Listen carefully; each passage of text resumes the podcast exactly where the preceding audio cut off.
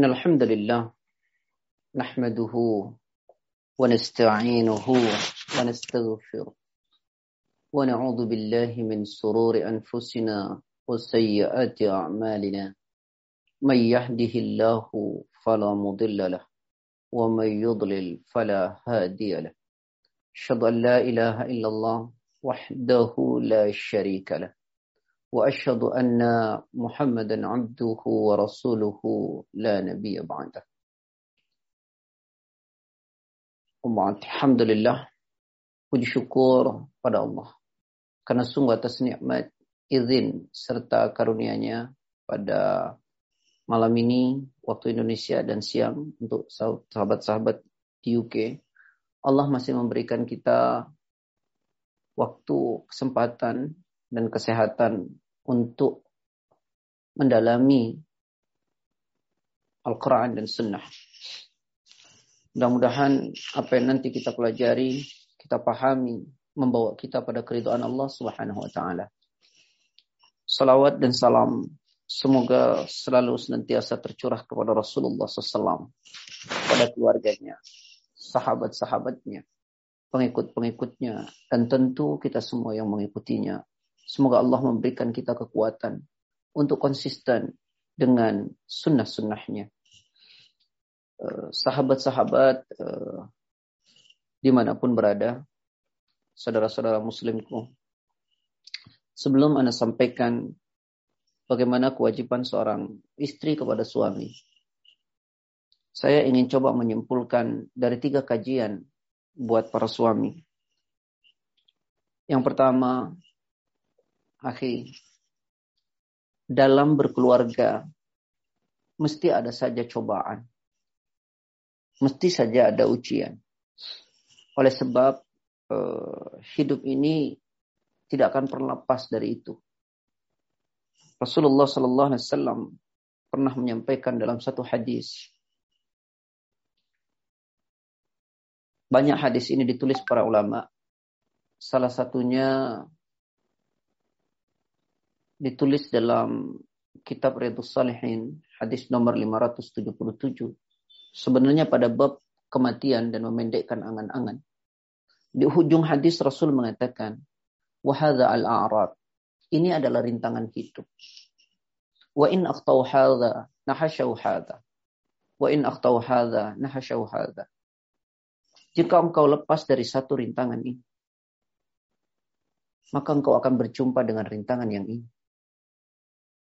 Selesai engkau dengan satu rintangan ini, maka rintangan ini akan menunggu.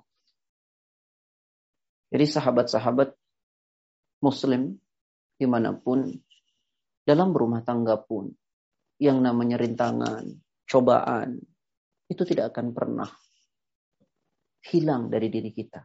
Ada saja. Bahkan cobaan yang sebenarnya sangat menyenangkan, itu juga menjadi ujian buat kita. Karena ada ada kalanya banyak kenikmatan rizki yang Allah berikan kesehatan dalam rumah tangga kita. Tapi justru menjadikan kita lari dari Allah. Menjadikan kita jauh dari Allah. Mari kita lihat di dalam Al-Quran misalnya Allah Ta'ala berfirman pada surat 7 ayat ke-168. Di ujung ayat Allah Ta'ala berfirman. وَبَلَوْنَاهُمْ bil hasanati was sayyiati la'allahum yarji'un. Dan kami uji mereka manusia bil hasanat dengan yang baik-baik. Was sayyiat dan yang buruk-buruk. La'allahum yarji'un. Agar mereka kembali.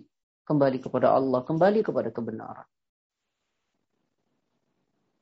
Dalam rumah tangga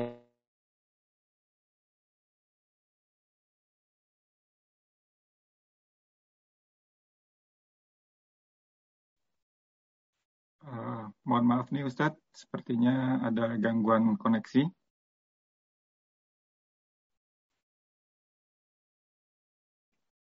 Uh, kita coba untuk menghubungi Ustadz kembali. Mohon ditunggu sebentar.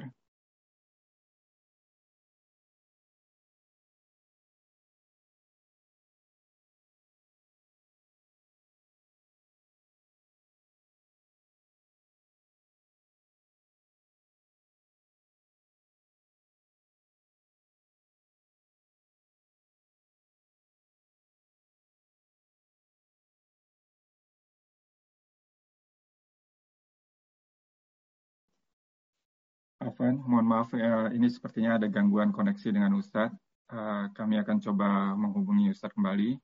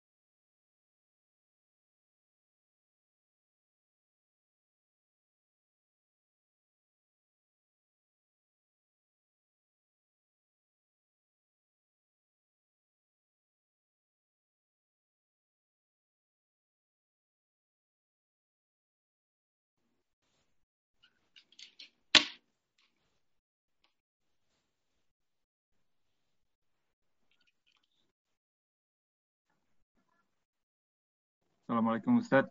Um, sepertinya tadi koneksinya terputus ya Ustaz. Waalaikumsalam. Afwan ya akhi.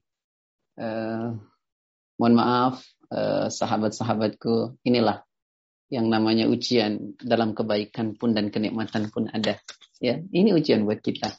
Iya, ternyata ujian itu tidak mesti selalu dalam ketidaknyamanan. Kadang-kadang dalam satu kenikmatan ada ujian di dalamnya. Ya, kembali. Ini semua qadarullah.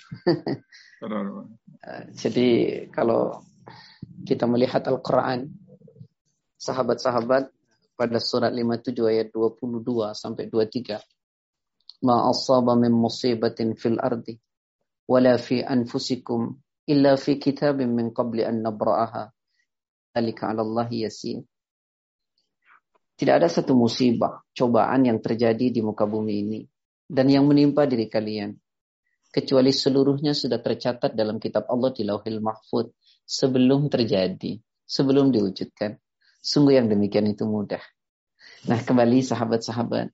Makanya kenapa ulama mengatakan salah satunya sabar itu adalah terhadap takdir-takdir Allah. Kita mungkin bisa sabar terhadap perintah Allah. Mungkin kita bisa sabar terhadap larangan Allah. Tapi bagaimana kita sabar atau tidak terhadap takdir-takdir dan ketentuan Allah ini? Ridho atau tidak. Kadang-kadang kita tidak ridho. Kalau itu tidak enak. Padahal kita mesti tahu. Apa kata Rasulullah? Inna Allah Ta'ala. Iza ahabba qawman ibtalahum. Faman radiyah falahu ridha. Waman sakhita falahu sakhat. Sungguh Allah Ta'ala. Jika mencintai seorang hamba. Allah menguji hamba itu. Jika hamba itu ridha, Allah pun ridha. Jika hamba itu marah, Allah pun murka. Rasanya kita tidak pantas untuk tidak ridho dengan apa yang telah Allah berikan buat kita. Karena Allah tidak pernah mendolimi kita. Inna Allah la yadlimun nasa syai'an. Walakinna nasa anfusahum yadlimun.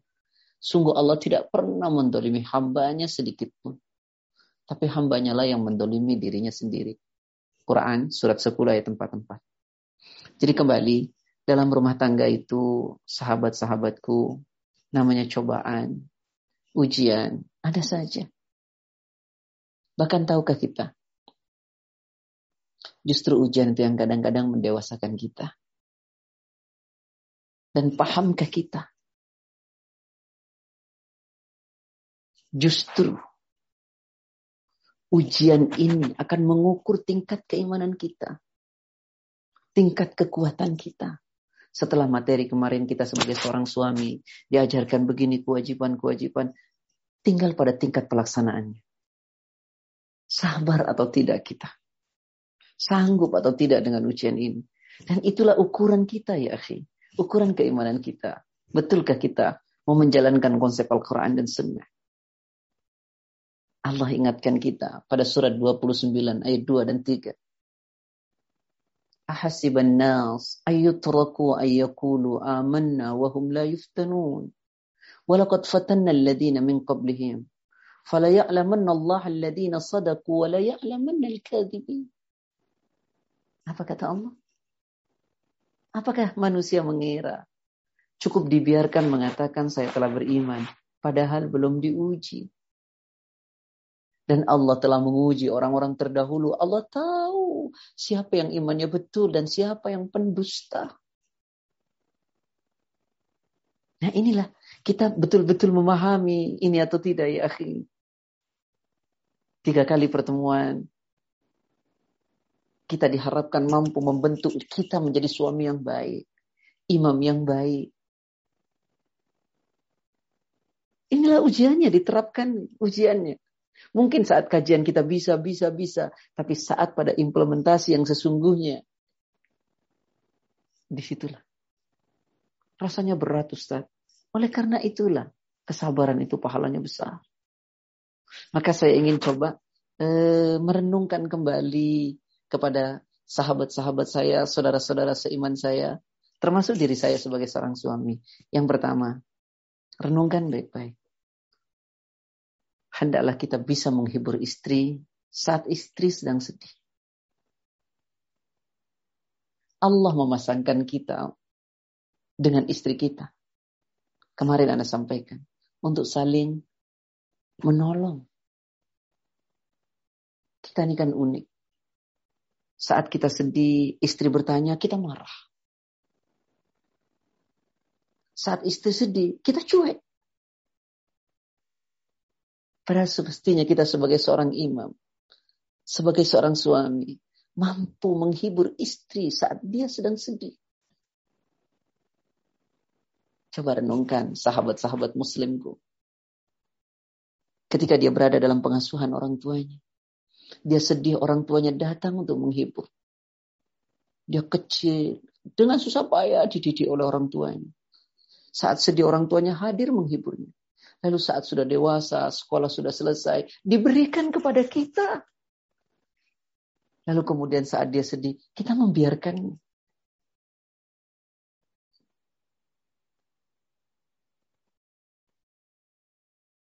Saya hanya berusaha untuk menempatkan kita sebagai seorang imam. Yang makmum itu dalam kekuasaan kita yang harus kita coba hibur saat dia sedih. Bukan membiarkan. Hiburlah dengan ayat-ayatnya. Wahai istriku, janganlah kau cerita di media sosial. Ceritalah kepada Allah. Karena demi Allah, Makin intens kau cerita kepada Allah, makin dekat pertolongan Allah. Makin banyak kau cerita kepada manusia. Allah itu maha pencemburu. Makin jauh pertolongan Allah. Kita yang mampu harus mendidik, mendekat istri kita dalam kesedihan. Mari kita tanya sama diri kita. Sudahkah kita seperti itu? Yang kedua, mohon maaf ya, Mohon maaf, kalau ini saya coba simpulkan. Yang kedua, tidaklah membebani pekerjaan kepada istri di luar batas kemampuan. Ikhwani wa ikhwati fillah. Saat kita menikahi istri kita. Saat kita menikahi seorang wanita dan meminta kepada walinya. Kita bukan ingin menjadikan dia sebagai pembantu. Tapi kita ingin menjadikan dia sebagai seorang istri. Yang kita harapkan dia tinggal di rumah. Tidak tabarruj keluar sana. Tidak memamerkan kecantikannya di luar sana. Yang kita selalu menginginkan istri kita enak dipandang mata. Rabbana hablana min azwajina wa dhurriyyatina qurrata ayun. Ya Allah Rabb kami, jadikanlah istri kami, anak keturunan kami yang enak dipandang mata. Enak dipandang mata itu. Pertama adalah akhlak, agama. Yang kedua fisik tentu. Bagaimana kita akan enak memandang mata, memandang istri kita saat kita menjadikan dia sebagai pembantu, memberikan beban pekerjaan di luar batas kemampuannya. Saya kadang-kadang sering kali berkata begini pada diri saya.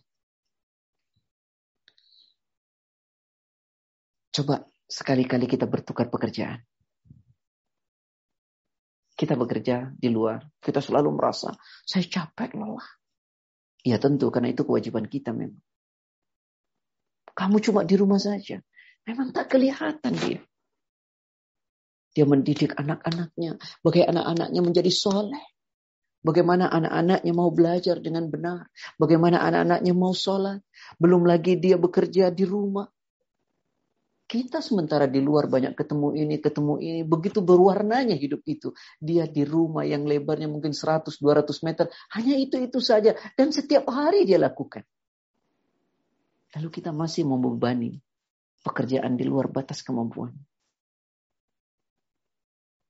Kalau dia bekerja untuk kita, itu sodakohnya.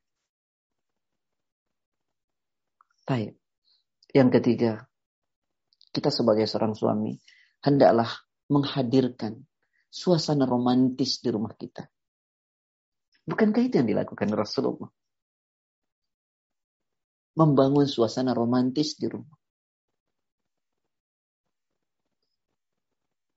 Kita sering berkata, Baiti jannati rumahku surgaku. Tapi kita tidak pernah bentuk rumah itu menjadi hijau, kita bentuk rumah itu gersang, tandus, amarah, kebencian, ketidakbahagiaan, ketidaknyamanan, hilang suasana senda gurau. Lalu bagaimana rumah itu menjadi surga? Untuk menjadikan surga rumah itu, mari kita hadirkan suasana romantis.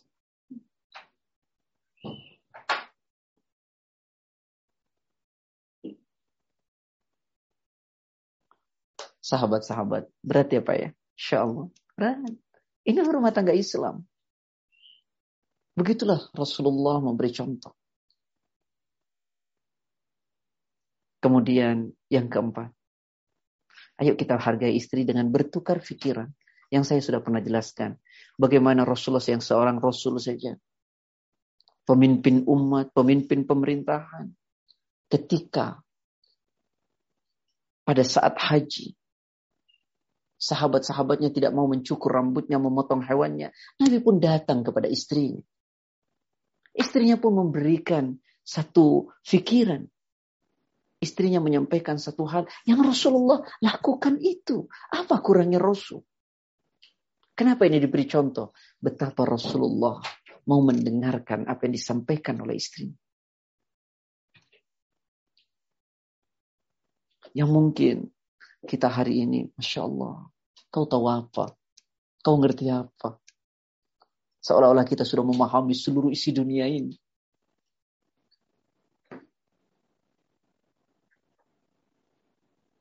Kita kadang-kadang sombong. Tapi kita tidak pernah sadar kalau kita sombong. Karena selalu bahwa pikiran kita saja yang benar. Wa. Kemudian tidak melakukan kekerasan. Tidak melakukan kekerasan. Berhentilah kekerasan verbal maupun kekerasan fisik. Bukankah Islam mengatakan boleh? Iya. Ketika terjadi nusus. Ketika tidak terjadi nusus. Adakah celah itu? Tidak ada sama sekali. Kecuali terjadi nusus.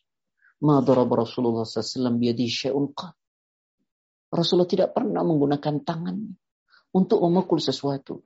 Wala khadiman tidak pula pembantunya. Wala zawjan tidak pula istrinya. Illa fi sabilillah. Rasulullah baru gunakan kedua tangannya ini dalam jihad di jalan Allah. Kita tidak pernah menikahi seorang wanita untuk kita jadikan sparring partner. Ya? Kita menikahi seorang wanita untuk kita jadikan istri dan ibu dari anak-anak kita.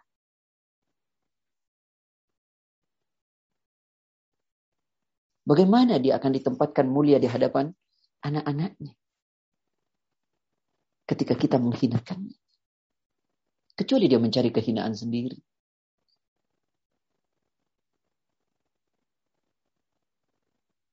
Nah untuk itu, sahabat-sahabatku, saudara-saudaraku yang saya cintai karena Allah. Saya ingin mengatakan, berdasarkan kesimpulan dari kitab yang saya tulis, yaitu perkuatlah hubungan dengan Allah. Suami memperkuat hubungan dengan Allah. Istri memperkuat hubungan dengan Allah. Jangan lemah membangun hubungan dengan Allah. Kalau tidak, maka di situlah setan akan masuk. Ayo, sholat lima waktunya dijaga dengan baik. Suami dan istri. Kemudian puasanya, ayo kita bangun. Tilawah Al-Quran. Kebaikan-kebaikan ibadah yang lain. Memperkuat hubungan dengan Allah. Suami memperkuat hubungan dengan Allah. Istri memperkuat hubungan dengan Allah. Saat suami istri keduanya dekat dengan Allah, maka akan berada dalam bimbingan Allah. Tapi saat kemudian hubungan dengan Allah tidak diperkuat. Salah satunya saja. Akan lemah ikatan itu. Di situlah setan akan masuk merusak diri kita. Saya kadang-kadang tidak mengerti. Ada suami istri liburan ke tempat maksiat. Itu Anda tidak mengerti liburan ke tempat maksiat. Anak tidak paham. Bukankah Rasul saat lewat di tempat ibadah non muslim beliau mempercepat lari jalan? Kita mendatanginya. Kenapa ini tidak muncul? Karena ikatan kita kepada Allah yang tidak kuat. Sehingga halawatul iman, manisnya iman itu tidak melekat dan tidak kita rasakan. Jika hubungan kepada Allah dibangun dengan kuat antara suami dan istri, maka nanti suami dan istri akan merasakan manis dan indahnya iman itu. Saat suaminya mengajak liburan ke tempat yang penuh maksiat, dia akan katakan, apa manfaatnya kita ke sana? Mau kita didik anak-anak kita dekat dengan kemaksiatan. Di mana saat para sahabat lari dari kemaksiatan, di mana saat para tabi'in, para ulama, orang-orang soleh lari dari kemaksiatan. Kita mendatangi tempat kemaksiatan. Kita mengatakan, yang penting kita tidak melakukan kemaksiatan. Bukankah ketika kita melihat itu melakukan kemaksiatan?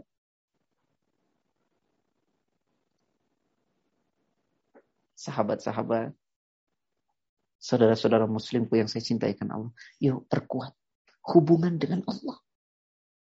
Perkuat suami dan istri hubungan dengan Allah dengan anak-anak. Alangkah indahnya rumah itu menjadi surga. Saat malam hari semuanya bersujud menangis di hadapan Allah. Tidakkah Allah akan mencucurkan rahmat buat rumah itu? Tapi jika di rumah itu hanya sibuk dengan kemaksiatan handphone masing-masing, bukankah nanti rahmat itu akan dicabut oleh Allah?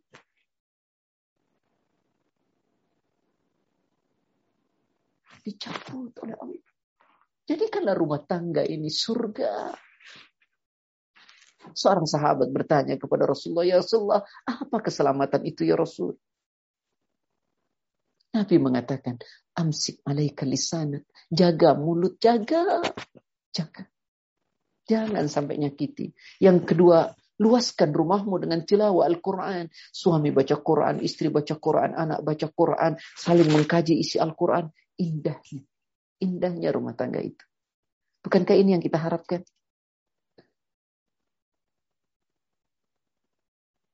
Maka bangunlah dengan memperkuat hubungan dengan Allah. Yang kedua, ayo saling menjaga ibadah. Saling mengingatkan. Bu, kayaknya Tuhannya kurang. Bu, kayaknya tilawahnya kurang. Kata istri, ya, kayaknya kajiannya kurang. Ayo, ayo saling mengingatkan dalam ibadah. Ku anfusakum wa ahlikum nar. Jaga dirimu dan keluargamu dari api neraka. Istausu bin nisa'i khairan. Saling menjaga dalam ibadah. Ayo, ayo, ayo. Bangun, mama. Ayo salat. Anak ke masjid. Jangan sampai ketinggalan nanti. Jangan sampai lambat sholatnya. Bukankah Rasul mengatakan perbuatan yang paling dicintai oleh Allah sholat tepat waktu. Ma. Ya ke masjid ya. Bukankah yang sholat di rumah hanya ibu-ibu. Ke masjid, ke masjid. Ayo saling menjaga ibadah satu sama lain. Suami menjaga ibadah kepada Allah, istri menjaga ibadah kepada Allah, maka Allah akan jaga masing-masing suami dan istri ini. Saat di antaranya tidak menjaga ibadah, Allah akan berlepas diri. Bagaimana ketika Rasulullah SAW berpesan kepada Abi Darda. Abi Darda menuturkan, aku dinasehati oleh Rasulullah dengan sembilan nasihat. Satu dari nasihat Rasulullah itu adalah, La tatrukanna as-salah al-maktuba muta'ammidan. Wa man tarakaha muta'ammidan bari'ut min dimma.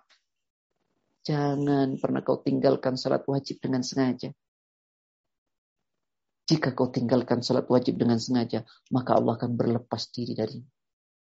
Allah akan berlepas diri. Maka ayo saling jaga. Saling, saling menjaga ibadah. Suami jaga ibadahnya, istri jaga ibadahnya. Masya Allah, bertemu dalam ibadah di rumah. Nikmat. Nikmat yang luar biasa. Tapi satu tidak menjaga ibadah. Timpang nanti. Timpang.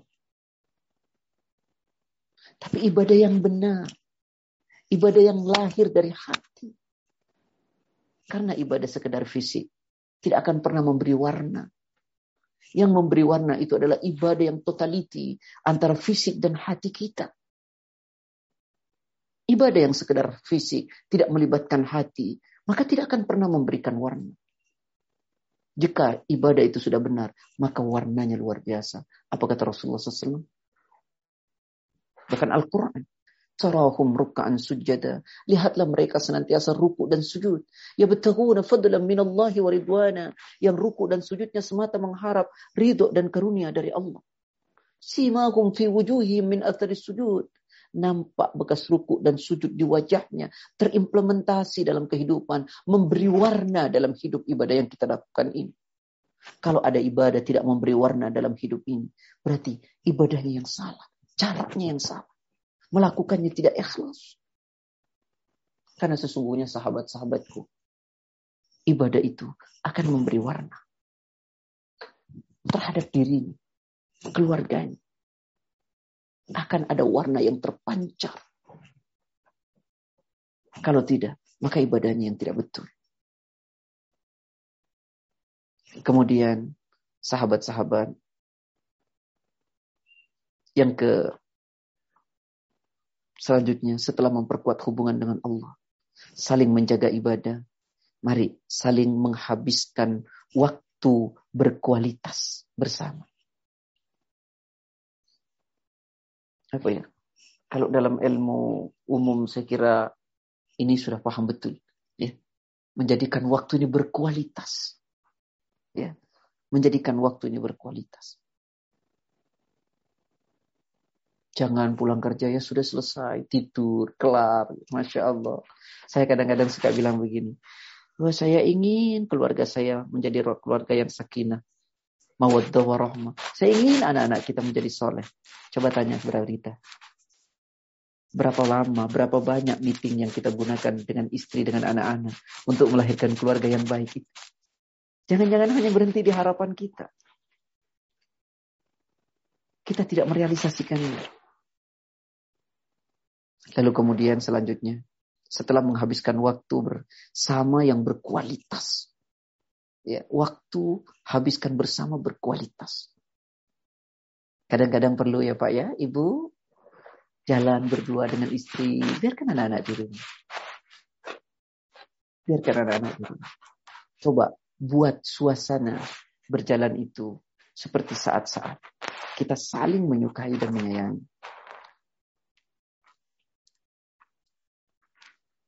Kadang-kadang seiring waktu itu hilang, maka perlu dicas kembali warna itu. Baik, kemudian apa? Ayo bangun, bersyukur kepada Allah. Bersyukur kepada Allah. Dengan apa yang Allah berikan, anak-anak yang baik. Rizki Allah berikan, umur panjang, kita masih bersama, bersyukurlah kepada Allah. Niscaya nanti akan ditambah nikmat-nikmat itu oleh Allah. Tapi kalau yang ada di rumah hanya keluh kesah, tidak menerima pemberian Allah, tidak bersyukur, Masya Allah. Ikhwani wa Apa yang akan terjadi pada rumah tangga itu? Tidak akan ada kenikmatan. Percayalah. Coba renungkan baik-baik. Kata Rasulullah. Apalagi soal harta. Muhibbud dunya la yanfaku min thalas. Para pencinta dunia itu tidak akan pernah lepas dari tiga hal. Tidak akan pernah lepas dari tiga hal. Apa itu? Hamun lazimun kegelisahan dan kesedihan yang terus menerus. Tidak bersyukur dengan apa yang diberikan oleh Allah. Coba bayangkan dan renungkan kita diberi anak-anak oleh Allah. Banyak di antara saudara kita yang menginginkan anak, tapi Allah belum menganugerahkan. Kita masih diberikan tempat tinggal oleh Allah. Entah kita miliki atau kita sewa. Coba kita lihat orang-orang yang tidak punya tempat tinggal pengungsi. Kita masih diberikan oleh Allah pekerjaan. Allah masih berikan kita makan. Coba kita renungkan orang yang mau makan hari ini saja mencari hari ini. Maka saat kita dirasuki kecintaan terhadap dunia, maka yang akan terjadi adalah hamun lazimun, kegelisahan, kesedihan yang terus menerus. Isinya di rumah itu hanya keluh kesah, kurang, kurang, kurang. Tidak ada kenyamanan. Coba renungkan apa yang Anda sampaikan ini. Nikmat, bahagia, senang. Tidak pernah terletak dari apa yang kita terima. Tapi nikmat, bahagia, dan senang terletak bagaimana cara kita menerimanya. Sebanyak dan sebesar apa pun yang kita raih dan kita terima dalam hidup ini. Kalau kita tidak pernah bersyukur, tidak pernah jadi kenikmatan sekecil dan sesedikit apa pun yang kita terima saat kita bersyukur kepada Allah, maka jadi kenikmatan yang sangat luar biasa. Dan Allah akan menambahkannya. Dan ini janji Allah. Quran surat 14 ayat 7. Wa itta'adzana rabbukum la in syakartum la azidannakum wa la in kafartum inna. Ingatlah ketika Tuhan mau memaklumkan jika engkau bersyukur akan nikmat Allah. Maka ditambah oleh Allah. Jika engkau kufur akan nikmatku, sungguh azabku pedih. Biasanya orang yang tidak bersyukur ini kecenderungannya rakus. Kurang, kurang, kurang, kurang, dan kurang. Padahal saat seperti itu, maka menjadi beban buat diri kita. Bukankah Rasul pernah mengatakan, Ala ukhbirukum bi ahlin nar. Maukah kalian kuberitahu siapa yang akan menjadi penghuni neraka? Nabi mengatakan kullu utul orang yang kejam, jawat orang yang rakus. Ayo bersyukurlah kepada Allah. Suami bersyukur, istri bersyukur dan ajarkan anak-anak kita bersyukur kepada Allah. Nah, jangan lihat ke atasnya. Lihat ke bawah kita. Unduru ilaman asfalikum. Lihat nah soal harta itu ke bawahmu. Sehingga kamu akan selalu merasa banyak yang Allah beri. Sehingga nanti kamu bersyukur. Kalau kau lihat ke atasmu nak, kau akan selalu merasa kecil dan sedikit apa yang Allah beri. Dan kemudian akan menghilangkan dirimu dari rasa syukur kepada Allah. Bangun. Ayo kita saling bersyukur. Suami bersyukur diberikan istri yang ini oleh Allah. Dan istri mestinya bersyukur diberikan oleh Allah suami ini. Jangan coba saya dulu menikahnya dengan yang ini bukan dengan yang ini. Masya Allah, nggak ngerti. Nikmat, bersyukur itu nikmat, nikmat. Kebahasa orang apa kalau sudah bersyukur dengan pasangan, tak akan pernah pindah ke lain hati ya Pak Rashid. Pak Admin, Pak Roland. Insya Allah. Ini yang kadang-kadang hilang dari diri kita. Kedua, kalau kita dipenuhi tanpa bersyukur, pencinta terhadap dunia. Yang kedua, watak bunda imun. Capek, letih yang berkepanjangan. Capek, letih berkepanjangan. Terus padahal suami sudah pendapatannya cukup. Tapi karena masih kurang, istri bekerja, anak dititipin. Ya Allah, Raaf. Afwan ya, Anda bukan mengatakan tidak boleh bekerja. Tapi saat sudah cukup dari suami, Apalagi yang diinginkan? Bukan ke aset kita ini rumah tangga ini. Bukan ke aset kita anak kita. Saat kita sibuk mencari uang suami istri, anak kita tidak terdidik. Demi Allah saat kita meninggal. Apa yang akan kita minta dari anak kita? Doa. Kita tak pernah ajarkan dia doa. Memang apa ketika kita sudah mati yang kita harapkan? Doa anak.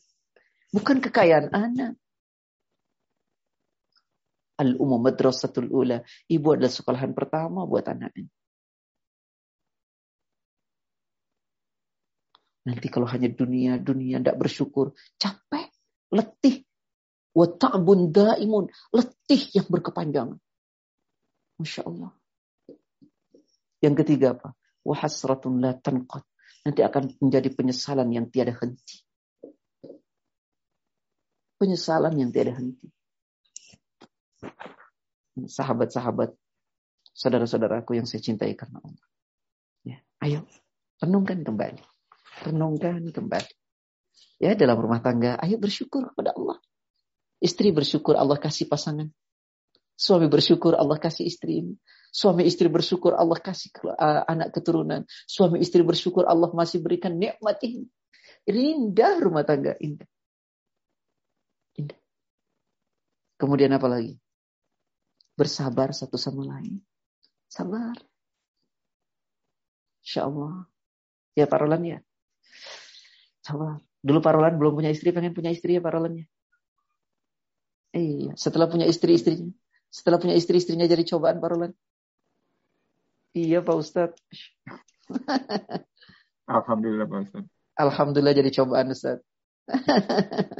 Gak punya anak dulu pengen punya anak. Setelah punya anak, anaknya jadi cobaan. Gak punya uang, pengen punya uang. Setelah punya uang, uangnya jadi cobaan. Di situlah jubah, jubah sabar itu. Dan Allah yang bilang. Apa kata Allah? Ya ayuhalladzina amanu. Hai orang-orang yang beriman. Inna min azwajikum wa awladikum aduwan lakum fahdaruhum. Wa in ta'fu wa tasfahu wa taghfiru fa inna Allah ghafurur rahim. Hai orang-orang yang beriman. Sungguh di antara istri-istri kalian. Anak-anak kalian. Ada yang menjadi musuh buat kalian. Jika kalian maafkan mereka. Kalian berlapang dada. Ampuni mereka. Allah maha pengampun lagi maha penyayang. Berat Ustaz. Iya, makanya sabar. Bukankah seluruh ibadah ada tabel pahalanya? Seperatus ribu, seribu, tujuh ratus.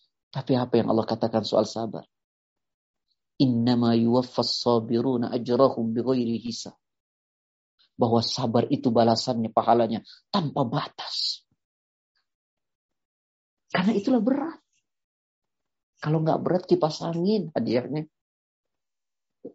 Karena beratnya tanpa batas. Ini Quran. Ini Quran. Surat 29 ayat 10. Afwan, surat 39 Az-Zumar ayat ke-10. Ya, ikhwani wa ikhwati fillah. Ayo bersabar satu sama lain. Kadang-kadang ngeliat apa yang dikerjakan buat kita marah. Sabar. Kadang-kadang yang terlontar dari lisannya, tak enak kita dengar, sabar. Betul ya Pak ya? Sabar, sabar, sabar. Itu surat 39 ayat 53 itu Pak. Ya, surat 39 ayat 10. Baik, saya teruskan ya. Ayo sabar satu sama lain, sabar. Indah rumah tangga. Kemudian yang ke selanjutnya. Saling memaafkan kesalahan. Saling memaafkan kesalahan. Karena tak mungkin istri dan suami selalu benar. Karena dia manusia. Manusia tempatnya salah dan lupa. Ayo, ketika kita mau menikah, kita banyak berikan uzur-uzur. Apa uzur itu? Maklum-maklum. Saling memaafkan nanti. Oh iya ya, istri saya manusia, pasti ada salahnya. Oh suami saya manusia, pasti ada salahnya. Kita ini kan unik. Menikahi wanita, tapi ingin seperti malaikat. Menikahi manusia, tapi seperti ingin seperti malaikat yang tak punya punya salah. Ini kan aneh. Saat kita menikahi seorang wanita dan wanita menikahi seorang suami, bahwa yang Anda nikahi itu adalah manusia. Manusia itu tempatnya salah dan lupa. Bukan malaikat yang dituntut selalu benar. Lalu di ujungnya, kenapa kamu cerai? Sudah tidak ada kecocokan, tak tahan saya rasanya. Di luar ekspektasi saya. Iya Anda berekspektasi ketika Anda menikah seperti surga Firdaus. Dan kita ingin menjadikan istri dan suami Anda seperti malaikat. Bagaimana caranya? Anda nggak paham. Bukankah Rasul mengatakan, yafruk mu'minun mu'minatan, in minha khuluqan, radya minha. Janganlah suami membenci istri. Atau suami istri membenci suami. Oleh karena pada pasanganmu ada sifat buruknya. Ingatlah bahwa pada pasanganmu masih menyimpan banyak sifat kebaikan. Kenapa kita tidak berusaha mengingat kebaikan dengan melupakan kejelekan? Kita sedang memelihara cinta di rumah tangga kita. Walaupun ini berat.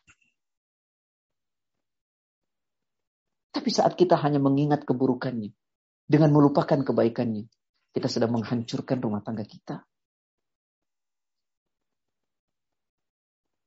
Kalau ada orang tanya, mau dibawa mana ke rumah tangga ini?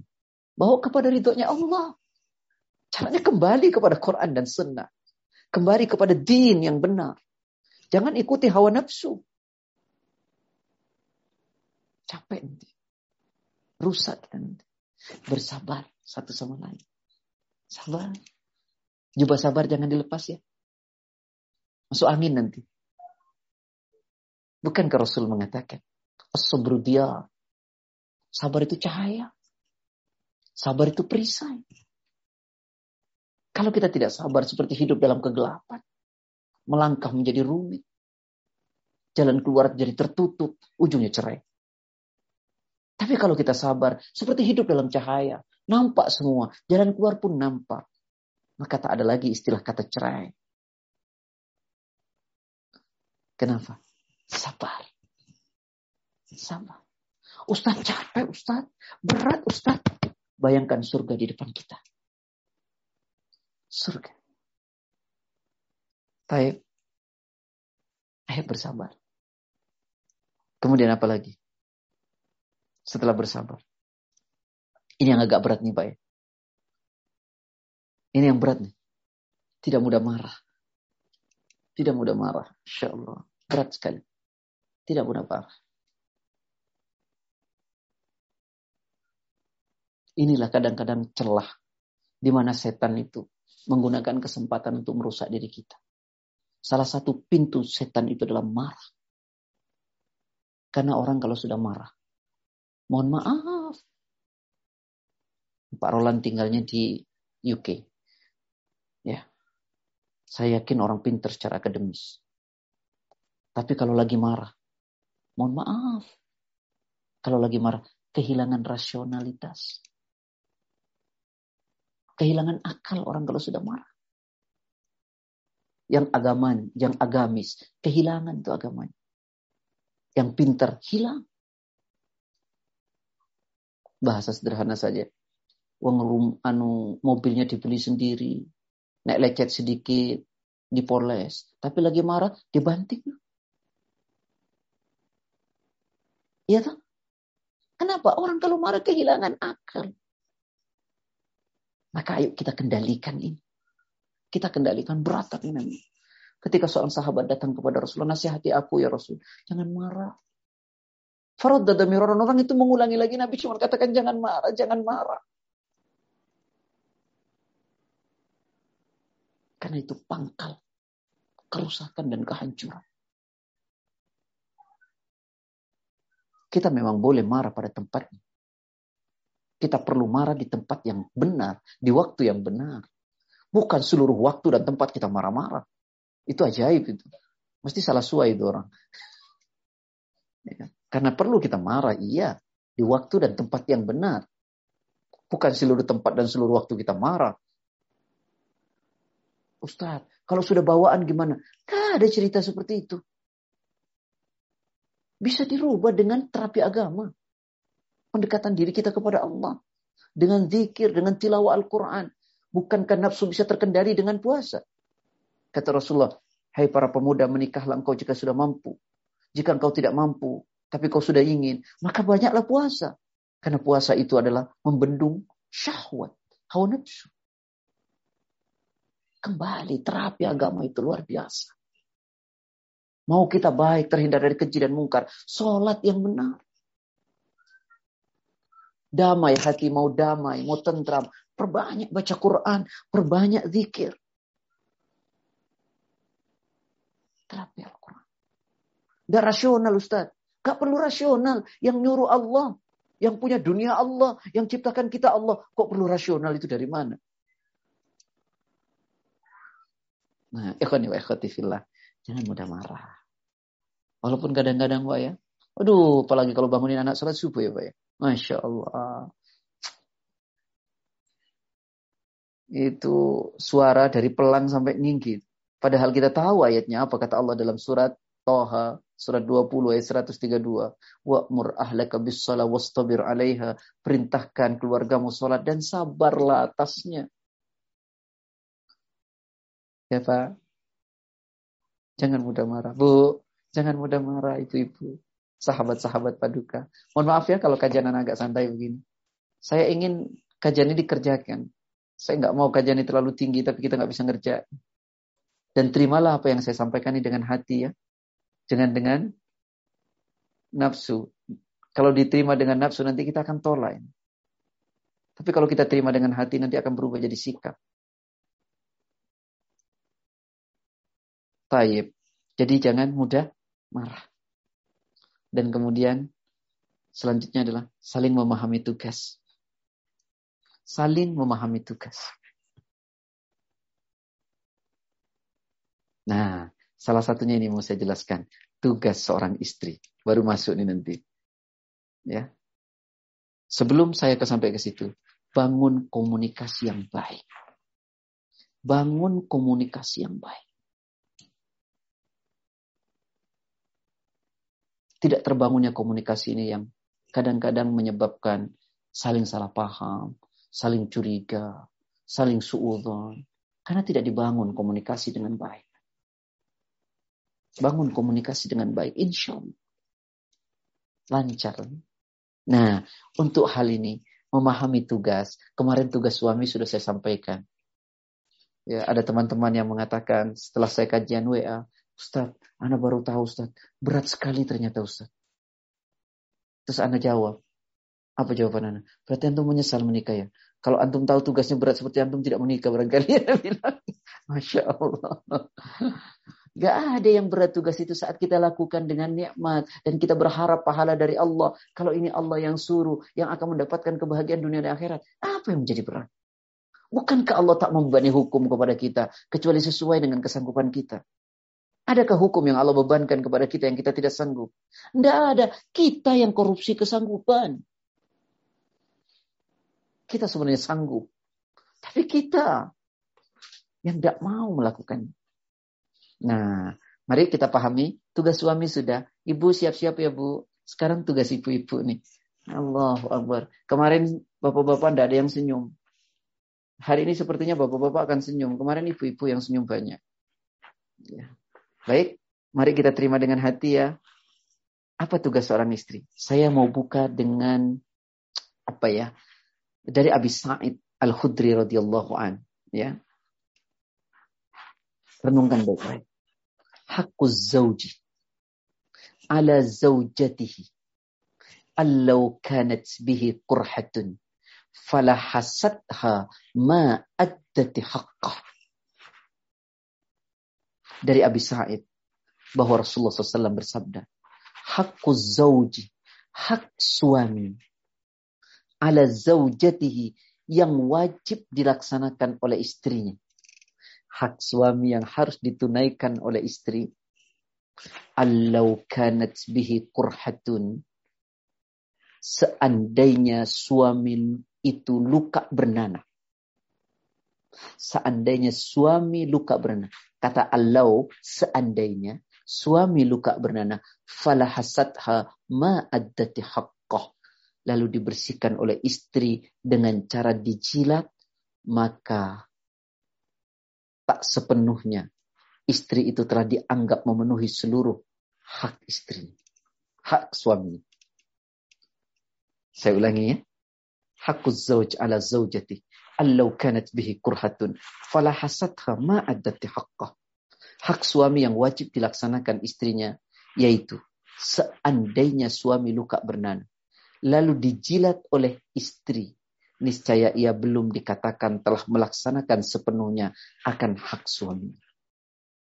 Masya Allah. Ustaz, pembukaannya menyentak diri kami sebagai seorang istri Ustaz. Begitu kedudukan suami.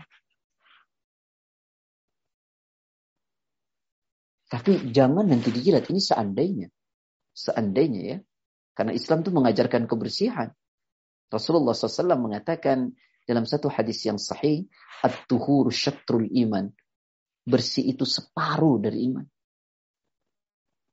Islam tuh ngajarkan kebersihan. Islam gak ngajarkan corok.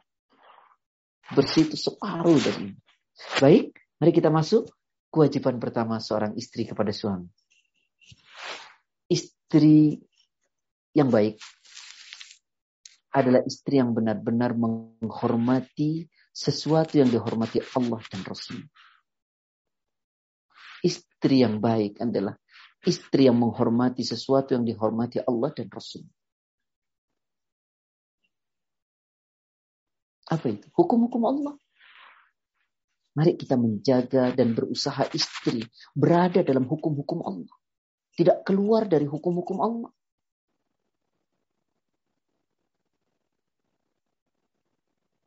Jangan karena keinginan hawa nafsu kita bisa melanggar hukum Allah. Imam Ibnu Qayyim Al-Jauzi, beliau pernah mengatakan begini. Dosa itu muncul karena dua hal. Satu, dosa itu muncul karena subhat. Makanan subhat yang masuk kepada diri kita akan melahirkan seseorang yang tidak punya daya tarik terhadap kebaikan.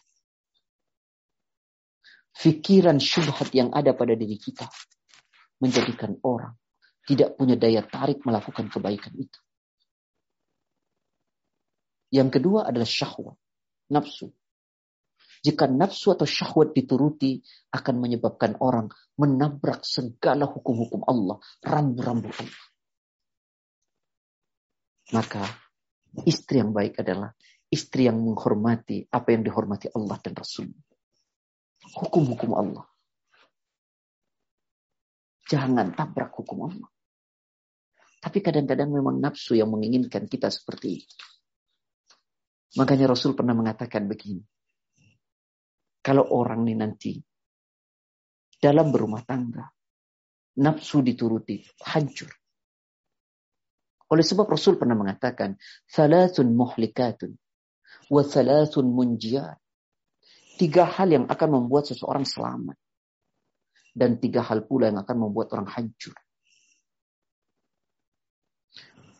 Fathalithun, fathalith. Adapun, ya, fa'amma thalathun, adapun yang tiga, muhlikat, yang membuat seseorang hancur. Tiga hal yang membuat orang hancur adalah yang pertama ada syukhun muta. Rakus pelit yang dituruti. Rakus pelit yang dituruti. Saya sering bilang begini, Bang. Orang tuh malah sodakoh. Itu karena bakhil dia. Atau karena dia rakus. Kalau orang tahu tentang nilai dari sebuah sedekah, semua orang akan berlomba-lomba.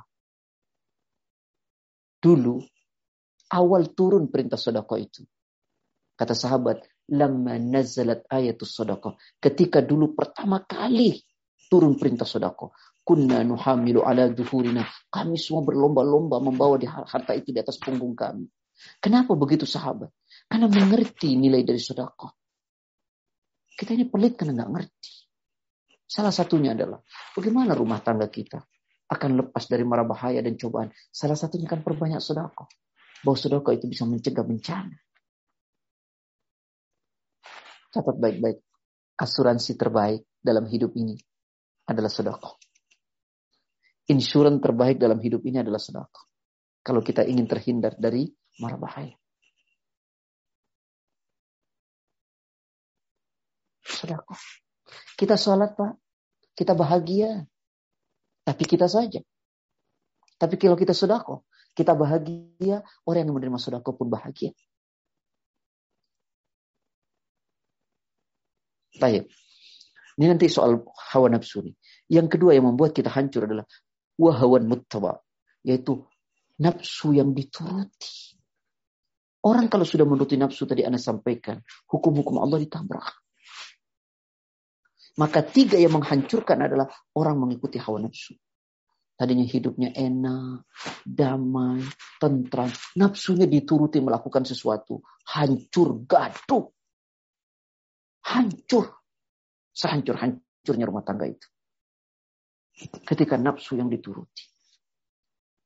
Merasa malu. Dan banyak hal.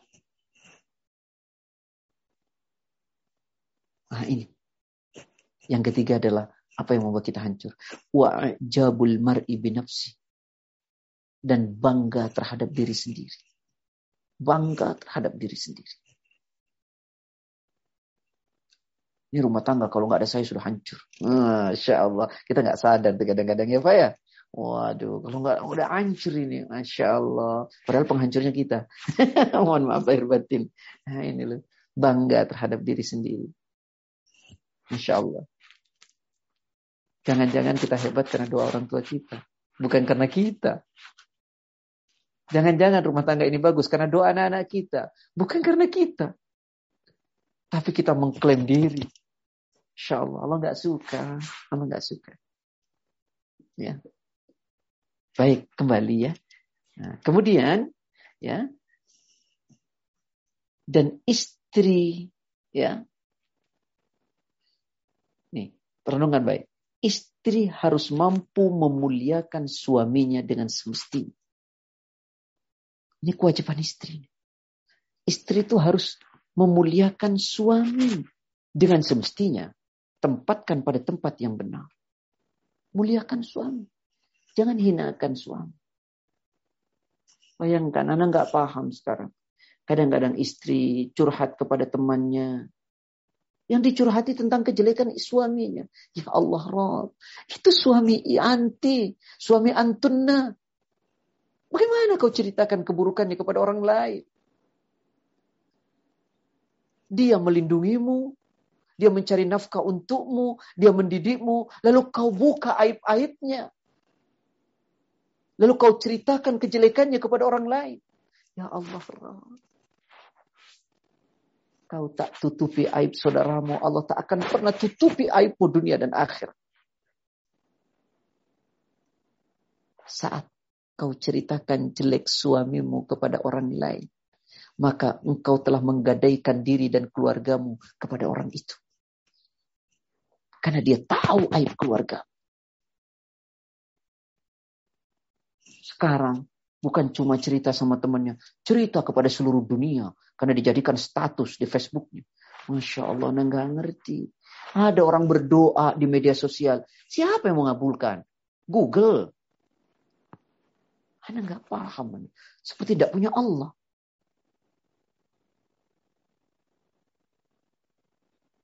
Berdoa di Facebook.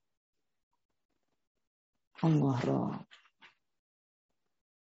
Bu, muliakan suamimu dengan semestinya dengan semestinya. Apa yang menjadi semestinya catatannya? Tidak melanggar Al-Quran dan Sunnah. Tidak melanggar Al-Quran dan Sunnah. Nah, oleh karena itulah seorang istri hendaklah bersungguh-sungguh mematuhi suaminya.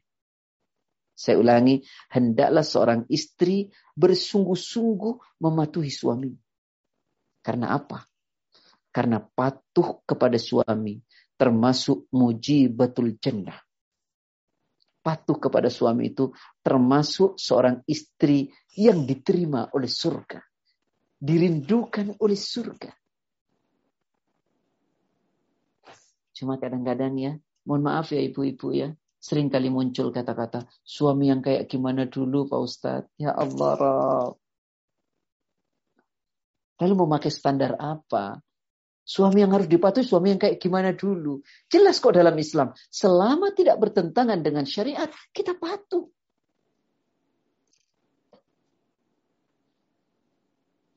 Masya Allah. Kadang-kadang ya Bu, mohon maaf. Ada temannya cerita, aduh subhanallah.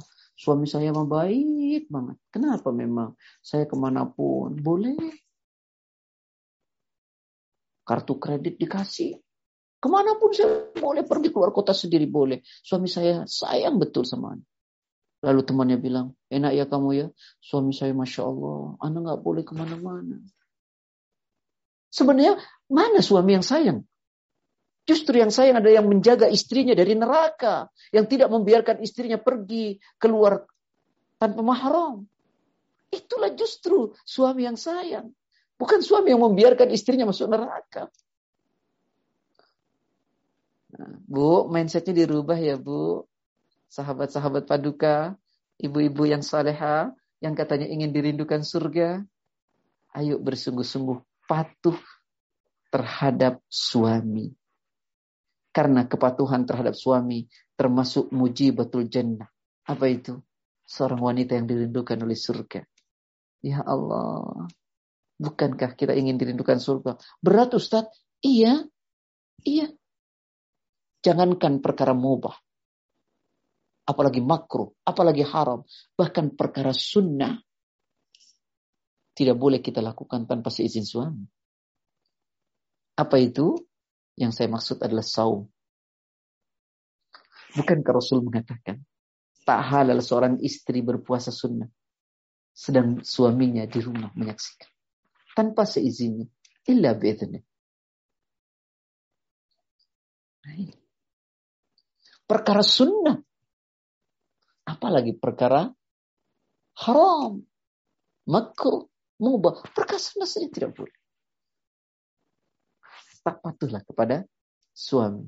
Karena kepatuhan kita kepada suami menjadikan kita seorang istri yang dirindukan oleh surga. Nabi mengatakan begini. Kala Rasulullah SAW bersabda.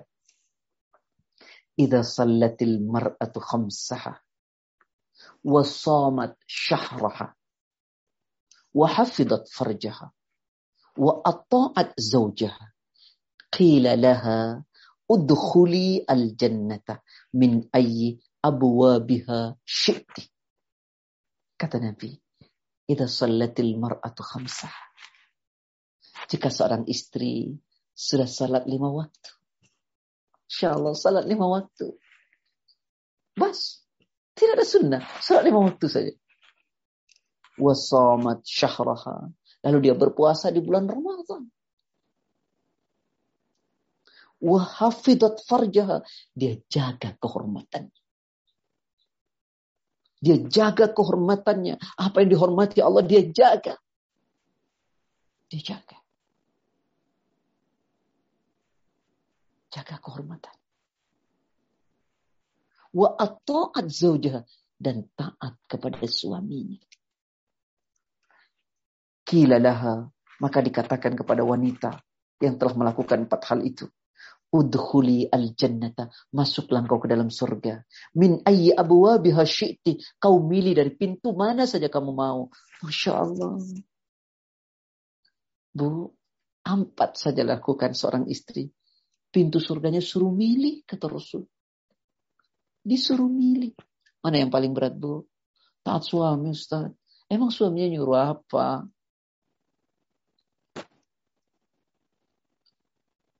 Tidak ada suami nyuruh yang aneh-aneh. Insya Allah berat Ustaz. Ya berat. Karena itulah surga. Masih ingat cerita anak? Salahuddin al-Ayyubi ya, senangnya berburu. Satu waktu menterinya ikut berburu. Dalam perburuan, salah satu menterinya terpisah karena dia mengejar binatang. Sementara bawaan semua ada pada Salahuddin al-Ayyubi dan rombongan. Dia kehausan sangat luar biasa. Tak ada air. Di gurun pasir bagaimana caranya? Di kejauhan dia lihat ada sebuah uh, kemah.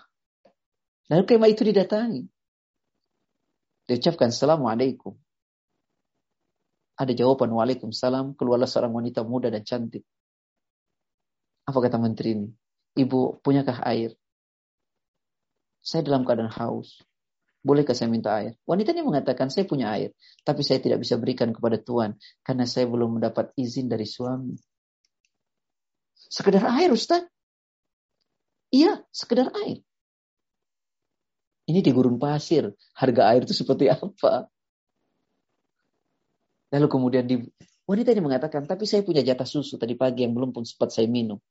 Jatah saya sudah menjadi haknya. Saya akan berikan kepada Tuhan diberikan, diminum, lalu menteri itu mau pergi, tiba-tiba datang seorang tua yang sudah tua hitam, datang ke tempat itu, lalu wanita itu diseret ke dalam kemah itu. Dicaci, dimaki, dihina, mungkin cemburu. Lalu setelah itu dia pergi lagi.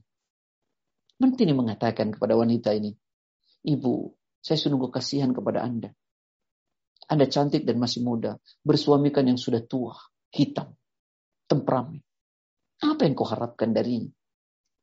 Tahukah ibu jawaban wanita ini bu? Tuhan, saya sungguh lebih kasihan kepada Tuhan.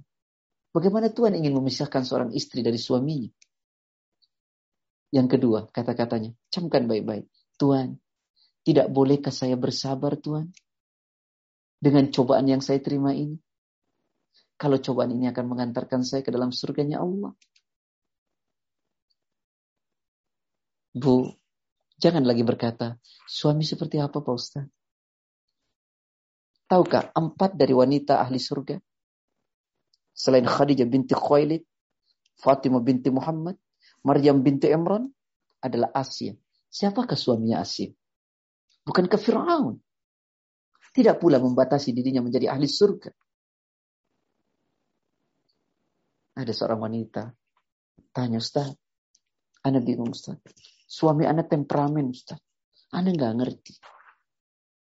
Anda bilang, Bu, ada kabar gembira dari Allah. Ustaz bagaimana? Suami anak temperamen. Kok kabar gembira dari Allah? Tahu kabar gembiranya? Wabashiris sabirin. Berikanlah kabar gembira. Berilah kabar. Berikanlah kabar gembira kepada orang yang sabar. Ibu, bukankah saat suami seperti itu? Ada paha yang disiapkan buat ibu dengan kesabarannya. Kalau suaminya baik-baik saja, tak ada kesabaran di sana, tak ada ekstra pahala yang Allah berikan. Cuman persoalannya sanggup atau tidak. Nah, nanti ada caranya ya. Ada caranya. Baik, Bapak Ibu yang dirahmati Allah, saudara-saudaraku yang saya cintai karena Allah. Ya. Nah, kalau mau dirindukan surga. Jadi istri, apa tadi yang pertama? Benar-benar menghormati sesuatu yang dihormati Allah dan Rasul. Jangan langgar hukum Allah. Jangan tabrak hukum Allah. Dan mampu memuliakan suami dengan semestinya. Maka hendaklah seorang istri bersungguh-sungguh dalam mematuhi suaminya. Karena patuh kepada suami termasuk perbuatan yang dirindukan oleh surga. Dan Rasul yang mengatakan, jika seorang istri salat lima waktu, puasa di bulan Ramadan, menjaga kehormatan, jaga kehormatan Anda. Dan jaga kehormatan suami. Taat kepada suaminya. Maka dikatakan kepada wanita semacam itu. Apa kata Allah? Masuklah kata Rasul ke dalam surganya Allah. Dari pintu mana saja kamu mau milih. Masya Allah. Milih. Untuk itu wahai muslimah yang baik. Perhatikan bagaimana Nabi menjadikan sikap taat kepada suami itu sebagai bagian dari amal perbuatan yang dapat diwajibkan masuk surga. Saya ulangi, dari hadis tadi ya, Nabi menjadikan sikap taat kepada suami sebagai bagian dari amal perbuatan yang dapat mewajibkan masuk surga. Sejajar dengan apa? Seperti sholat. Sejajar dengan puasa. Sholat, puasa, jaga kehormatan taat suami. Baik, wajib untuk mendapatkan surganya Allah. Maka untuk itu, ya, bersungguh-sungguhlah dalam mematuhi suami dan jauhilah sikap durhaka kepada suami. Kenapa? Renungkan baik-baik ini. Karena dalam kedurhakaan kepada suami terdapat murka Allah. Kedurhakaan kepada suami terdapat murka Allah. Anak kasih contoh. Nabi Muhammad SAW bersabda. Riwayat Imam Muslim. Kala Nabi sallallahu alaihi wasallam والذي نفسي بيده ما من رجل يدعو امرأته إلى فراشه فتأبى عليه إلا كان الذي في السماء ساخطا عليها حتى يرضى عنها apa kata Rasulullah Nabi Muhammad SAW bersabda Demi zat, walladhi nafsi biadi. Demi zat yang diriku berada dalam genggamannya. Tidaklah seorang suami. Ma min rajulin. Yad'u imra'atahu ila firashi. Tidaklah seorang suami mengajak istrinya ke tempat tidurnya. Fata'ba alaih. Ya, fata'ba alaih. Lalu sang istri menolak ajakan suaminya illa kana alladhi fis samai sakhitan. Melainkan dia Allah berada di atas aras terus menerus murka kepadanya. Alaiha kepada istri hatta yarda anha. Sampai suaminya ridho kepadanya Ustaz, capek Ustaz. Lelagi lelah Ustaz. Masih ingat kajian awal sekali tentang keluarga? Ana bilang empat frame-nya. Bukankah Ana katakan, apa sulitnya? Mari kita saling berkorban, saling membantu untuk saling memberikan kebahagiaan. Apa sulitnya seorang suami berkorban sedikit demi kebahagiaan istrinya? Dan apa beratnya seorang istri berkorban sedikit demi kebahagiaan suami? Nah, di sinilah. Ya. Ayo renungkan baik-baik kedurhakaan kepada suami mendatangkan murka Allah. Illa kana alladhi kecuali kata Allah dia Allah yang berada di atas arash ya sakhitan alaiha terus menerus ya murka kepada wanita itu. Ada hadis yang lain gimana? Murka sampai datangnya waktu pagi. Ada seorang istri berkata, Ustadz, cuman sampai pagi kan Pak Ustadz? Masya Allah, ini yang mengutuk siapa? Sampai datangnya waktu pagi. Ya Allah harap. Nah, ikhwani wa ikhwati fillah. Ya, tenungkan baik-baik. Kemudian, maka merupakan kewajiban wahai para muslimah untuk tunduk dan patuh kepada suami. Serta setia dalam segala hal yang diperintahkan kepadamu. Saya ulangi. Ya, wahai para muslimah, tunduk dan patuh kepada suami serta setia dalam segala hal yang diperintahkan kepadamu. Catatannya, selama tidak menyalahi syariat. Ya, kenapa? Karena Rasul mengatakan, La ta'ata li makhlukin bimaksiatil khalik.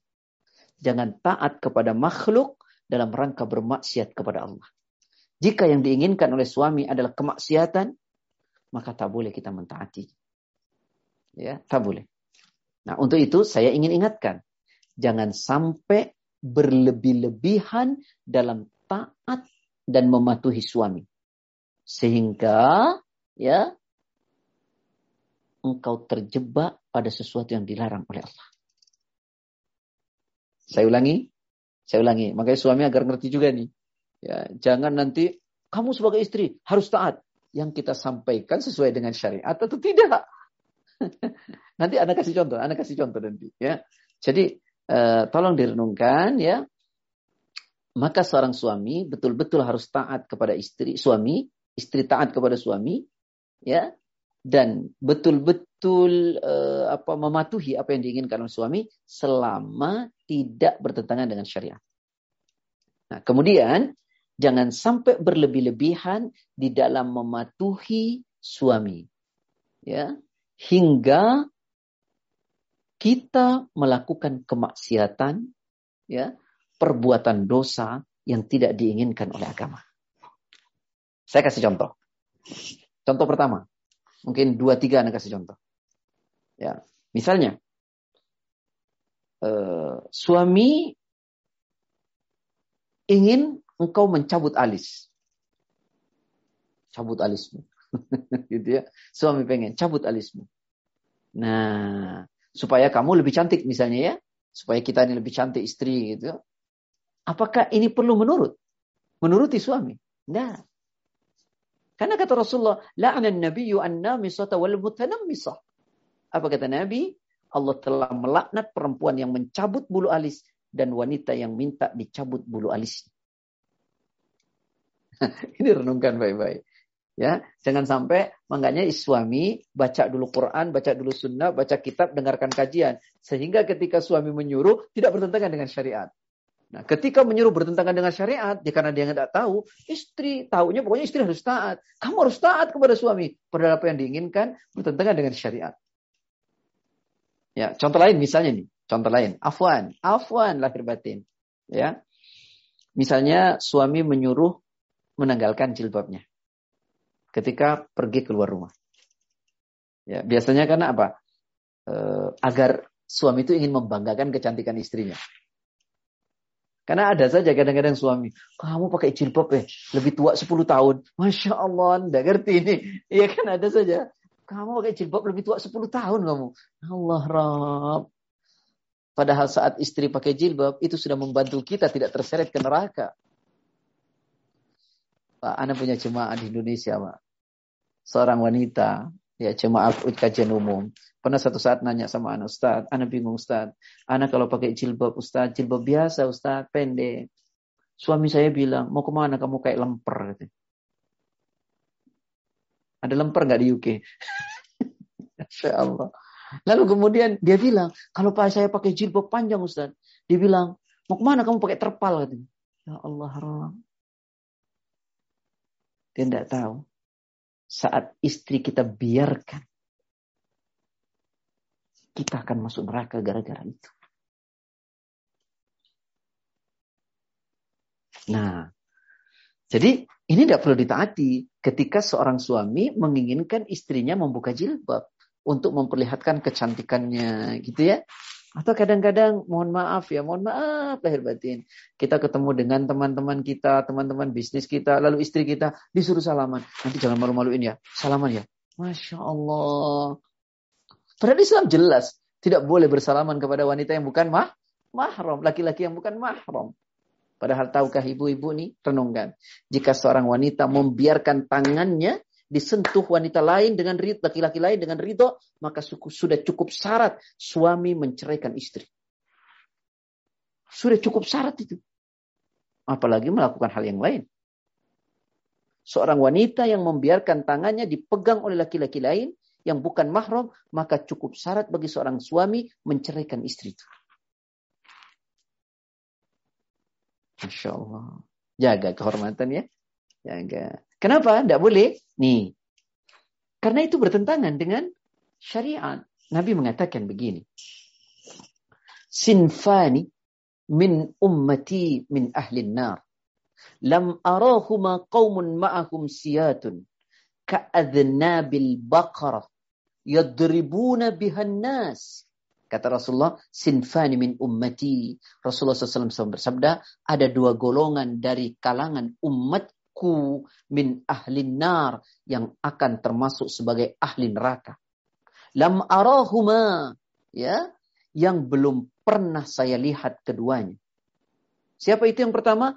Kaumun ma'ahum siyatun ka'adnabil bakar yadribuna bihan nas. Yang pertama adalah nih kata Nabi suatu kaum yang memiliki cambuk seperti ekor sapi yang dengannya mereka memukul orang lain. Orang yang sadis. Memukul orang lain. Makanya orang mukmin itu dilindungi oleh Allah kehormatannya. Ya, haram darah dan hartanya. Tidak boleh. Malayarham layurham. Kalau kita tidak menyayangi, tidak disayangi. Yang kedua, berkenaan dengan ini. Wanisaun kasiyatun ariyatun mumilatun. Ma'ilatun ru'usuhunna kaasnamatil bukh, kaasnimatil bukhti al-ma'ilati.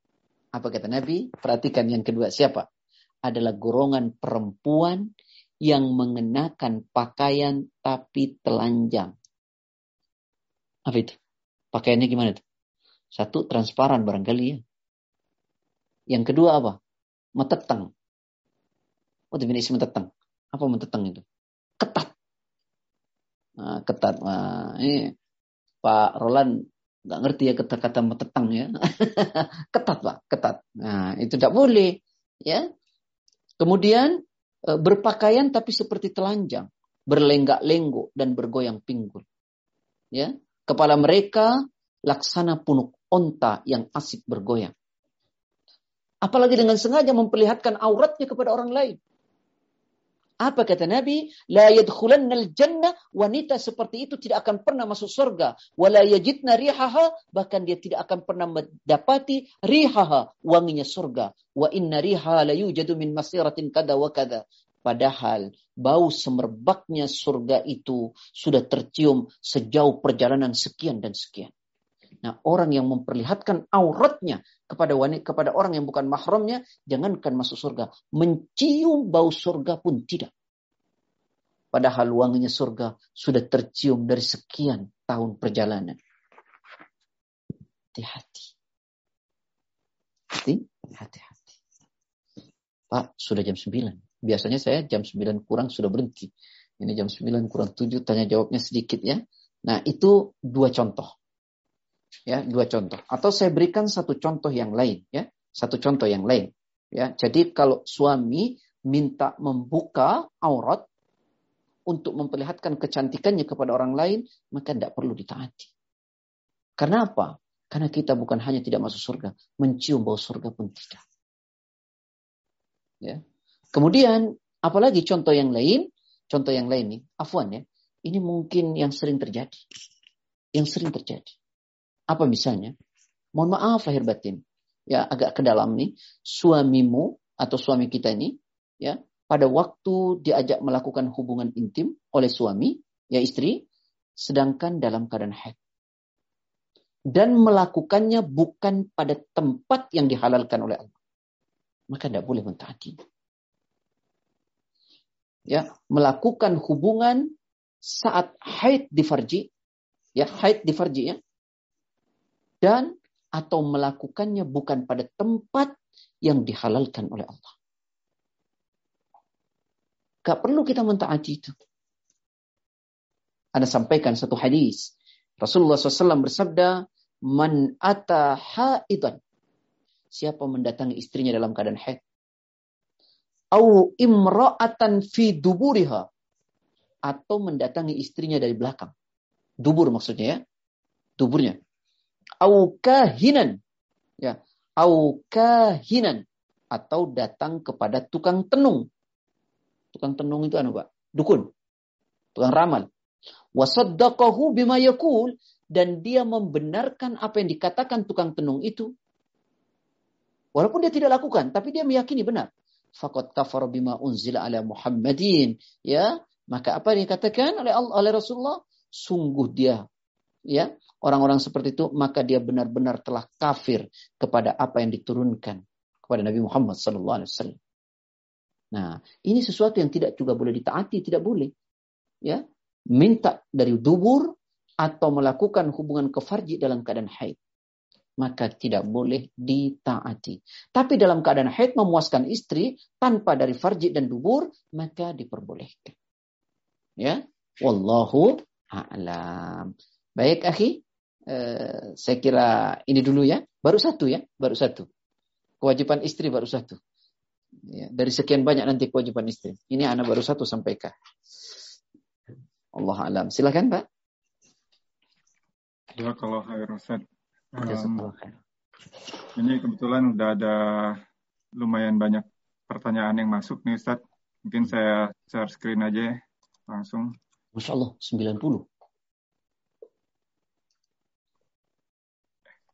Gimana cara jawabnya nih Pak?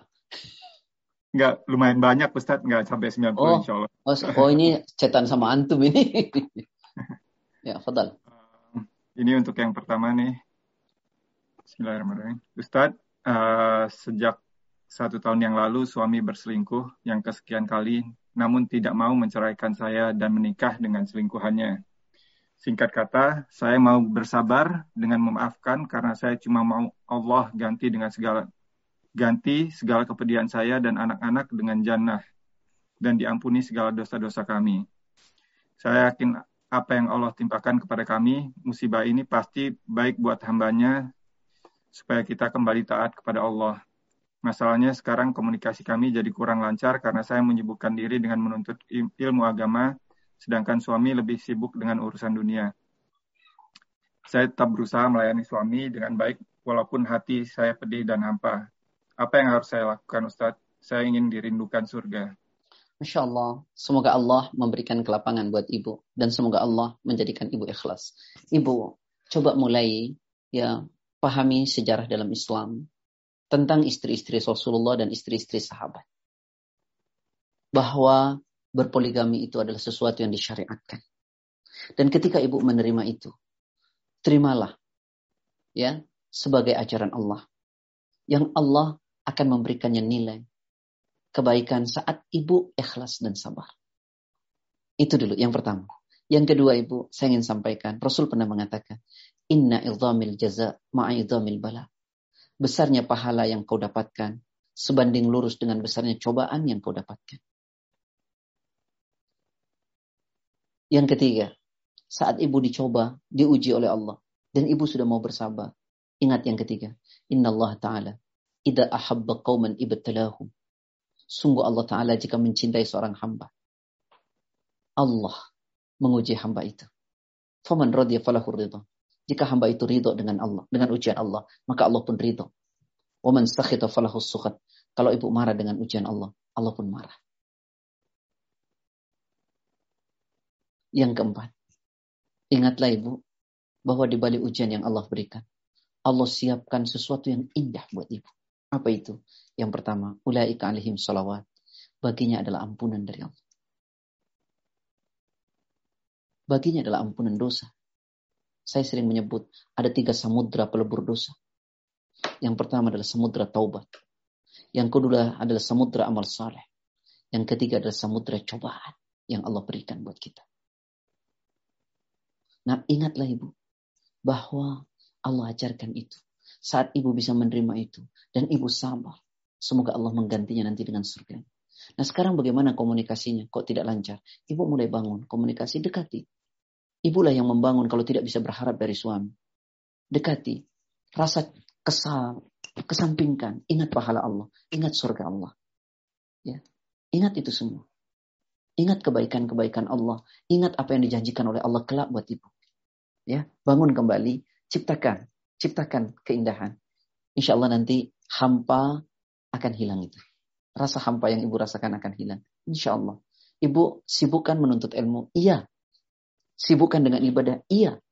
Tapi bukankah menuntut ilmu dan ibadah salah satunya adalah taat kepada suami. Membangun rumah tangga dengan indah. Ya bu, mulai bangun lagi. Mulai bangun lagi. Insya Allah. Ingat aja surganya Allah. Allah alam. Ya kalau Ustaz. Wajazakallah khair untuk pertanyaan berikutnya. Ini saya ada mau saya gabung, Ustaz. Ada dua pertanyaan, tapi sepertinya mirip-mirip. Yang pertama, Assalamualaikum warahmatullahi wabarakatuh. Uh, sebaiknya sebagai suami, kita lebih dekat kepada istri atau kepada orang tua kita, Ustaz. Jazakallah khair. Uh, hmm. Pertanyaan yang kedua, ini juga mirip uh, terkait dengan mertua ini sepertinya, Ustaz. Assalamualaikum, Pak Ustaz. Kewajiban istri Kewajiban istri adalah taat pada suami. Kewajiban suami pun ter, tetap berbakti pada ibunya. Tapi bagaimana bila ibu dari suami terlalu banyak mencampuri urusan keluarga dan anak-anaknya? Sudah ada ipar yang rumah tangganya bercerai karena ibu mertua. Suami adalah anak kesayangan ibunya dan hanya anak laki satu-satunya. Suami pun tidak berani menasihati ibunya karena ibunya tidak terbiasa ditegur. Tabayun dan melalui konselor perkawinan sudah pernah dilakukan untuk menjaga pernikahan. Berdoa pun sudah. Apa yang saya harus lakukan dalam kondisi ini agar rumah tangga dapat tetap tenang? Afwan anak pelan-pelan karena agak panjang nih ya. ya. Kewajiban istri adalah taat kepada suami. Ya, sudah dipahami ya tadi ya. Kewajiban suami pun tetap berbakti kepada ibunya, tentu, karena ibunya adalah kunci surga. Tetapi bagaimana bila ibu dari suami selalu banyak mencampuri urusan keluarga anaknya? Sudah ada ipar, nah ini kasih contoh. Suami adalah anak kesayangan ibunya, ibu juga anak kesayangan ibu-ibu kok, ya. Kemudian hanya anak laki satu-satunya. Suami pun tidak berani menasehatinya. Saya ingin katakan begini.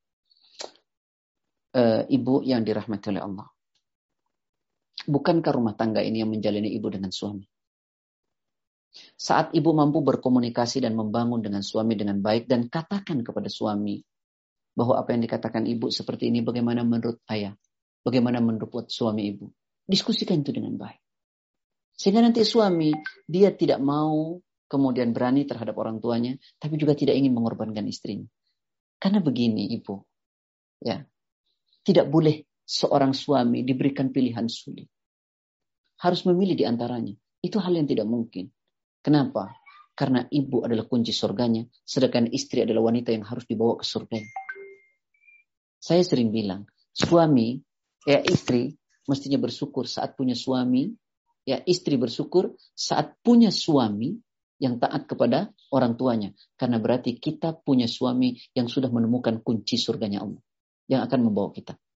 Dan kita juga bersyukur ketika seorang istri taat kepada orang tuanya. Berarti kita punya istri yang sudah punya kunci surganya Allah. Bukankah Rasul pernah mengatakan, Rogima anfu abdin. Ya, celaka seorang hamba yang punya kedua orang tua. Tapi dia tidak menjadikan kedua orang tuanya kunci mendapatkan surganya Allah. Nah ini, ya. Jadi kalau begitu, ibu, ya, saya yakin ketika suami ibu saleh, ibu salehah, cerita berceritalah tentang ini semua kepada suami. Ya, ya udah kalau orang tua ngomong, ya dengarkan saja. Kan orang tua hanya bicara saja, nggak mungkin ngobrol-ngabrik rumah kita. Ya kan? Dia cuma bicara, ya sudah, kita dengarkan di situ. Mbak pulang ya sudah. Karena apa yang dikatakan mungkin sudah ditimbang menurut Al-Quran dan Sunnah. Tidak demikian. Ya sudah, jangan dilawan orang tua. Gak usah di, gak usah dilawan. Ya sudah, ke rumah, ya bicarakan baik-baik. Ya sudah, tadi apa yang dibicarakan itu tidak tidak sesuai dengan Quran Sunnah. Tapi karena orang tua ya sudah kita dengarkan saja. Tidak usah ikut marah pun. Nanti kalau marah malah jadi tidak enak. Malah jadi tidak enak. Itu yang paling baik. Ceritakan sama suami. Jangan nanti kesel sendiri, marah-marah sama suami, nyudutkan orang tuanya. Gak mungkin seorang suami ingin marah kepada orang tuanya. Gak mungkin. Karena dia punya tanggung jawab terhadap empat wanita. Salah satunya adalah ibunya. Ibunya kunci surganya. Dan istri adalah wanita yang harus dibawa ke surganya Allah.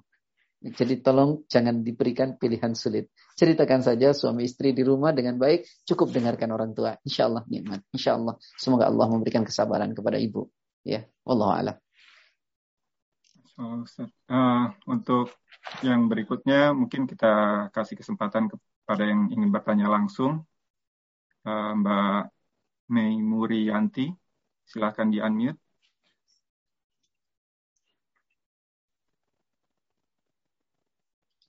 Ya, silakan, Pak.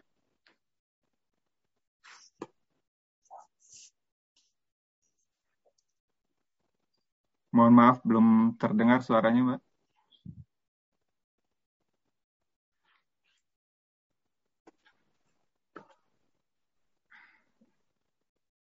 Afwan nih, mungkin um, kita skip dulu ya, Mbak.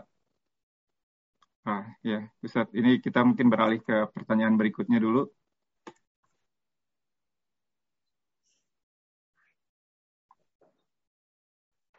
Yang berikutnya, saya akan share screen lagi. Assalamualaikum Pak Ustadz. Mohon bertanya, bagaimana cara meminta maaf pada suami? Karena setelah mendengarkan kajian ini, rasanya banyak sekali dosa-dosa ini. Kemudian bagaimana cara menghilangkan rasa cemburu kepada suami? Mohon pencerahannya Ustadz. Ya kalau Insya Allah, insya Allah. Semoga Allah merahmati dan semoga Allah memberikan kajian ini kemanfaatan dunia dan akhirat buat kita. Ibu, minta maaf kepada suami itu mudah, Bun. Tinggal datang sama suami minta maaf. Insya Allah suami akan maafkan. Walaupun mungkin suami akan bertanya, ada apa ini? Jawab saja, saya rasanya banyak salah setelah tadi saya mendengarkan kajian. Katakan saja seperti itu. Apa salahmu? Tidak harus diomongin. Tidak harus diomongin. Minta maaf. Pak, sayang, maafkan anak. Anak banyak salah. Paling suami anti, ya suami anti mungkin kaget. Ada apa? Anda anak tadi merasa banyak salah setelah Anda mendengarkan kajian. Udah cukup dengan seperti itu. Dan bagaimana menghilangkan rasa cemburu? Bun, cemburu bunda adalah bentuk cinta bunda kepada suami. Dan itu kebahagiaan buat suami dan kebahagiaan buat bunda. Tapi jangan cemburu yang tidak beralasan. Sedikit-sedikit cemburu, sedikit-sedikit cemburu. Yang akan membentuk diri ibu menjadi tidak nyaman. Sudahlah, mata ibu dua, kaki ibu dua, tangan ibu dua, gapaian dan langkah ibu terbatas. Serahin sama Allah yang punya. Doain. Doain, serahin kepada Allah. Ya, serahin kepada Allah dan doakan. Yang punya suami ibu kan Allah kan. Maka cintailah karena Allah. Ya pun, jangan. Cemburu itu bentuk cinta. Tapi cemburu berlebihan itu akan menyiksa diri sendiri. Mata kita cuma dua, pandangan kita sangat terbatas. Kaki kita cuma dua, langkah kita sangat terbatas. Maka serahkanlah sama yang maha tidak terbatas. Yaitu Allah. Ya Allah, jaga suamiku ya Allah. Jaga suamiku ya Allah. Aku mencintainya karena engkau ya Allah. Begitu pun. Nah, banyak berzikir, banyak berhusnudzan. Insya Allah bahagia. Insya Allah. Insya Allah hatinya nanti damai. Insya Allah. Di situ nanti cemburu itu muncul. Setan masuk tuh kesempatan tuh. Mulai itu sama setan dimainkan itu.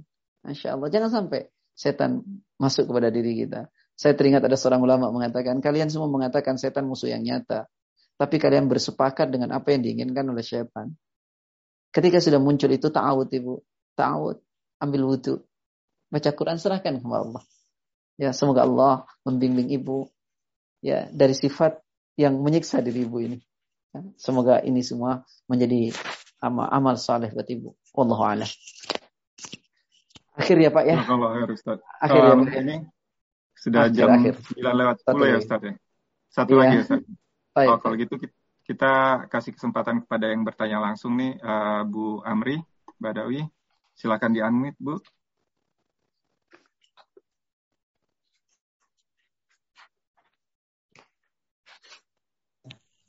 Baik, terima kasih. Assalamualaikum warahmatullahi wabarakatuh.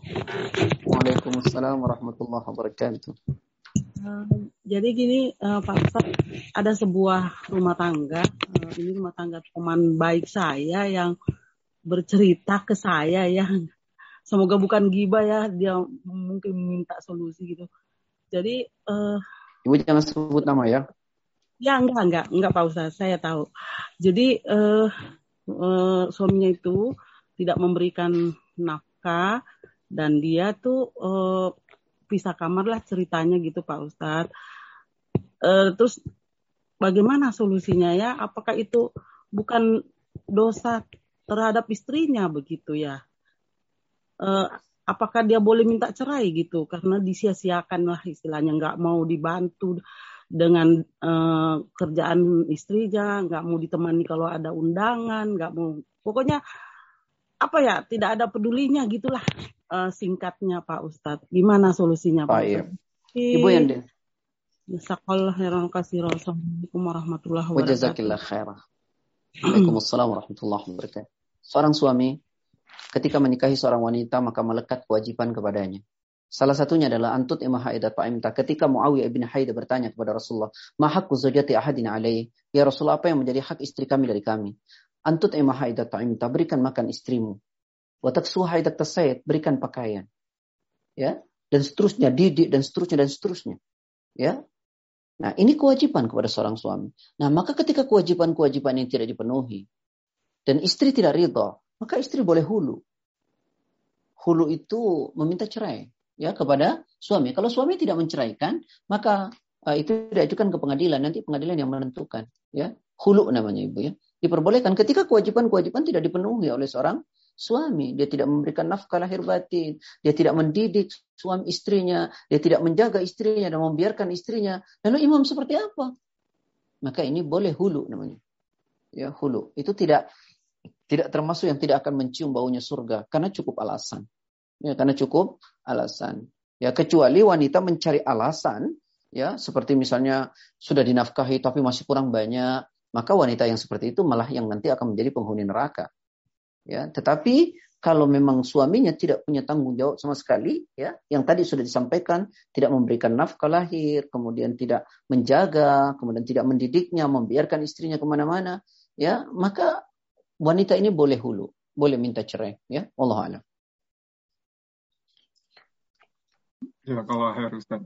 Uh, sebenarnya masih ada pertanyaan yang lain, cuman kita simpan mungkin buat sesi berikutnya masih. di bulan depan baik, ya Ustaz. Baik Pak, insya Allah. Uh, Tolong diingatkan anak ya Pak ya, baru satu ya, biar anak ingat. Nah. Baru baru satu ya Ustaz? Ya, satu kewajiban istri.